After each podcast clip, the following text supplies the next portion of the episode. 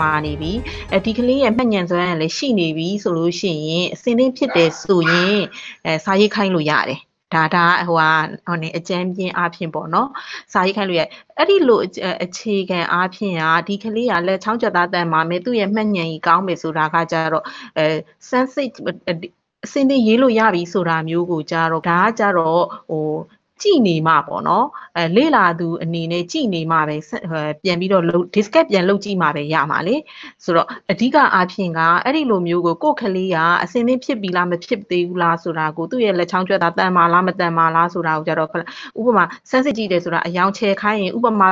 ပန်းသီးပုံပန်းသီးပုံပေးထားတယ်အဲ့ဒီပန်းသီးပုံထဲမှာအယောင်ချဲခိုင်းတယ်ဆိုလို့ရှိရင်အပြင်ကိုမရောက်အောင်အပြင်ကိုအယောင်တွေထွက်မသွားတာတို့ပေါ့နော်မြင်းချောင်းနဲ့အတိုင်းညီဖြစ်တာတို့အဲ့ဒီလိုအခြေခံတွေကိုရှိနေတယ်ဆိုရင်တော့ဒီကလေးက okay တယ်စာရေးခိုင်းလို့ရတယ်ဒါပေမဲ့အဲ့ဒီလိုမျိုးဟုတ်သေးဘူးကလေးကအယောင်ချဲခြင်းစိတ်မရှိဘူးတဝက်တစ်ပြက်ပဲထားခဲ့တယ်အယောင်တွေကိုလည်းအသီး နေမှာလည်းချဲနေတယ်တတ်မှတ်ပေးထားတဲ့ပုံရဲ့အပြင်တွေကိုလည်းရောက်နေတယ်ဒါဆိုရင်သိကြတယ်ဒီကလေးကလက်ချောင်းကျွတ်တာမတန်ပါသေးဘူးအဲ့ဒီအချိန်မှာအတင်းအကျပ်ရေးခိုင်းမယ်ဆိုရင်ကျမတို့မျက်စိနဲ့မမြင်နိုင်တဲ့အကြောပေါင်းမြောက်များစွာကကြတော့ဒီ scent ကလက်ချောင်းထိပ်တွေမှာရှိတယ်အဲ့ဒီဟာဒီညှိုးမိန်သွားတယ်ဆိုလို့ရှိရင်ကလေးကလုံးဝစာရေးလို့အဆင်မပြေတော့ဘူးထောက်လျှောက် तू ကတေသွားတာလားဆိုတော့တေသွားတာတော့မဟုတ်ဘူးညှိုးငယ်သွားတာဖြစ်တဲ့အတွက်ကြောင့် तू ကနောင်တိလာတဲ့အခါကျလို့ရှိရင်စာကိုတပုတ်လုံးပြီးအောင်မရေးနိုင်တာတို့သတ်မှတ်ထားတဲ့အချိန်အတွင်းမှာလက်ညောင်းတာတို့အဲနောက်ပြီးသွားလို့ရှိရင်လက်မာလေးဘူးသီးတွေထတာတို့အဲ့ဒါတွေဖြစ်နိုင်တယ်အဲ့ဒါစိုးကြိုးပေါ့နော်ဆိုတော့ဒါကြောင့်မလို့ခလေးကိုစစ်မကြည့်သေးပဲနဲ့အယောင်ချဲတာတို့ဂျုံနှဲတာတို့ကက်ကြီးညက်တာတို့လုံးချစ် ခြေတာတို့နောက်အဝတ်ခောက်တာတို့အယုတ်ခောက်တာတို့အဲ့ဒီလိုအဆင့်တွေမရောက်အလုပ်မပေးဘဲနဲ့စာရေးခိုင်းတာကတော့လုံးဝကိုအဲရှော့ရှိတယ်ပေါ့နော်လုံးဝကိုကြီးကြီးမားမားအဲ့ဒါကတော့ဖြစ်နိုင်တယ်အဲထောက်လျှောက်ကိုစာရေးခြင်းစိတ်လုံးဝမရှိတော့တာကိုဖြစ်နိုင်တယ်ပေါ့ဆိုတော့မိဘတို့ဒီဆရာဆရာမတွေလောက်ခိုင်းရင်တော့ခလေးဆိုတာဒီအသက်အရွယ်မှာလောက်ခိုင်းတဲ့လောက်လောက်မှာပဲလေ ဆိုတော့သူတို့မသိဘဲနဲ့ရေးခိုင်းလိုက်လို့ရှိရင်အဲ့လိုတွေဖြစ်သွားနိုင်တယ်ပေါ့နော်ဒါကြောင့်မလို့ကျမတို့ကများသောအားဖြင့်9နှစ်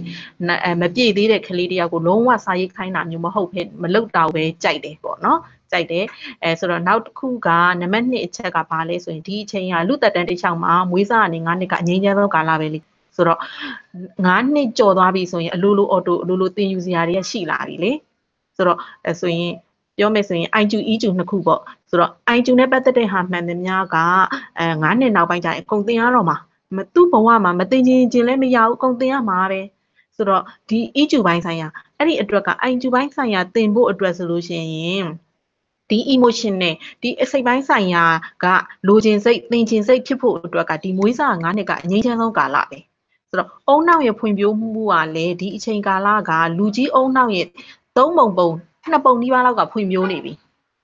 ဒါကြောင့်မလို့လူကြီးစကားပြောတာတို့လူကြီးအတွေးခေါ်တွေသူတို့မှာရှိတာတို့ဆိုတာကသူတို့မှာအဲ့ဒါကြောင့်မလို့လေဆိုတော့ဒီအချိန်မှာအဲဆိုတော့ကျမတို့စိတ်ပိုင်းဆိုင်ရာနဲ့ပတ်သက်တဲ့သင်ယူလိုစိတ်ဖြစ်ထွန်းဖို့အတွက်ကိုကြတော့ဒီအသက်အရွယ်မှာလေ့ကျင့်ပေးတာအကောင်းဆုံးပဲသူ့ရဲ့ပတ်ဝန်းကျင်မှာရှိတဲ့အရာတွေအဲဆိုတော့လူမှုတိုင်းဝိုင်းပတ်ဝန်းကျင်တွေနောက် social ဆိုတဲ့ပေါင်းသင်းဆက်ဆံရေးတွေအဲ့ဒါတွေကောင်းဖို့အတွက်ကဒီမွေးစားကနေ9နှစ်အတွင်းမှာလုပ်ပေးတာအကောင်းဆုံးပဲတဘာဝပတ်ဝန်းကျင်နဲ့ထိတွေ့ပေးတာတွေပေါ့နော်ဆိုတော့အဲ့ဒါတွေအကောင်းဆုံးပဲ ဆိုတော့ဒါကြောင့်မလို့မွေးစားကနေ9နှစ်မှာကျမတို့ language နဲ့ပေါ့နော်အပြောနဲ့ပေါ့နော်အပြောရဲ့နောက်နောက်တစ်ခုကနားထောင်နိုင်စွမ်းရည်ပေါ့လူတယောက်ပြောတာကိုသူဘယ်လောက်ထိနားထောင်နိုင်တာလဲအလှည့်ကျစနစ်တို့စုပေါင်းဆောင်ရွက်တတ်တဲ့စိတ်ဓာတ်တို့အဲ့ဒါတွေအကုန်လုံးကဒီအသက်အရွယ်မှာပေးလိုက်မှအဆင်ပြေတာလေဆိုတော့ဒီနောက်တစ်ခုကကျတော့တီးခံနိုင်တဲ့စွမ်းရည်ပေါ့နော်ဆိုတော့အဲ့ဒီဟာတွေအားလုံးကဒီမွေးစာနေ9နှစ်မှာပဲပေးလိုက်လို့ရတာ အဲ့ဒီထက်ကျော်သွားပြီး9နှစ်နောက်ပိုင်းကြာလို့ရှိရင်ကြတော့သူသင်ယူစရာတွေအများကြီးများတဲ့အတွက်အဲ့ဒီဟာတွေလေ့ကျင့်ဖို့အချိန်မရှိတော့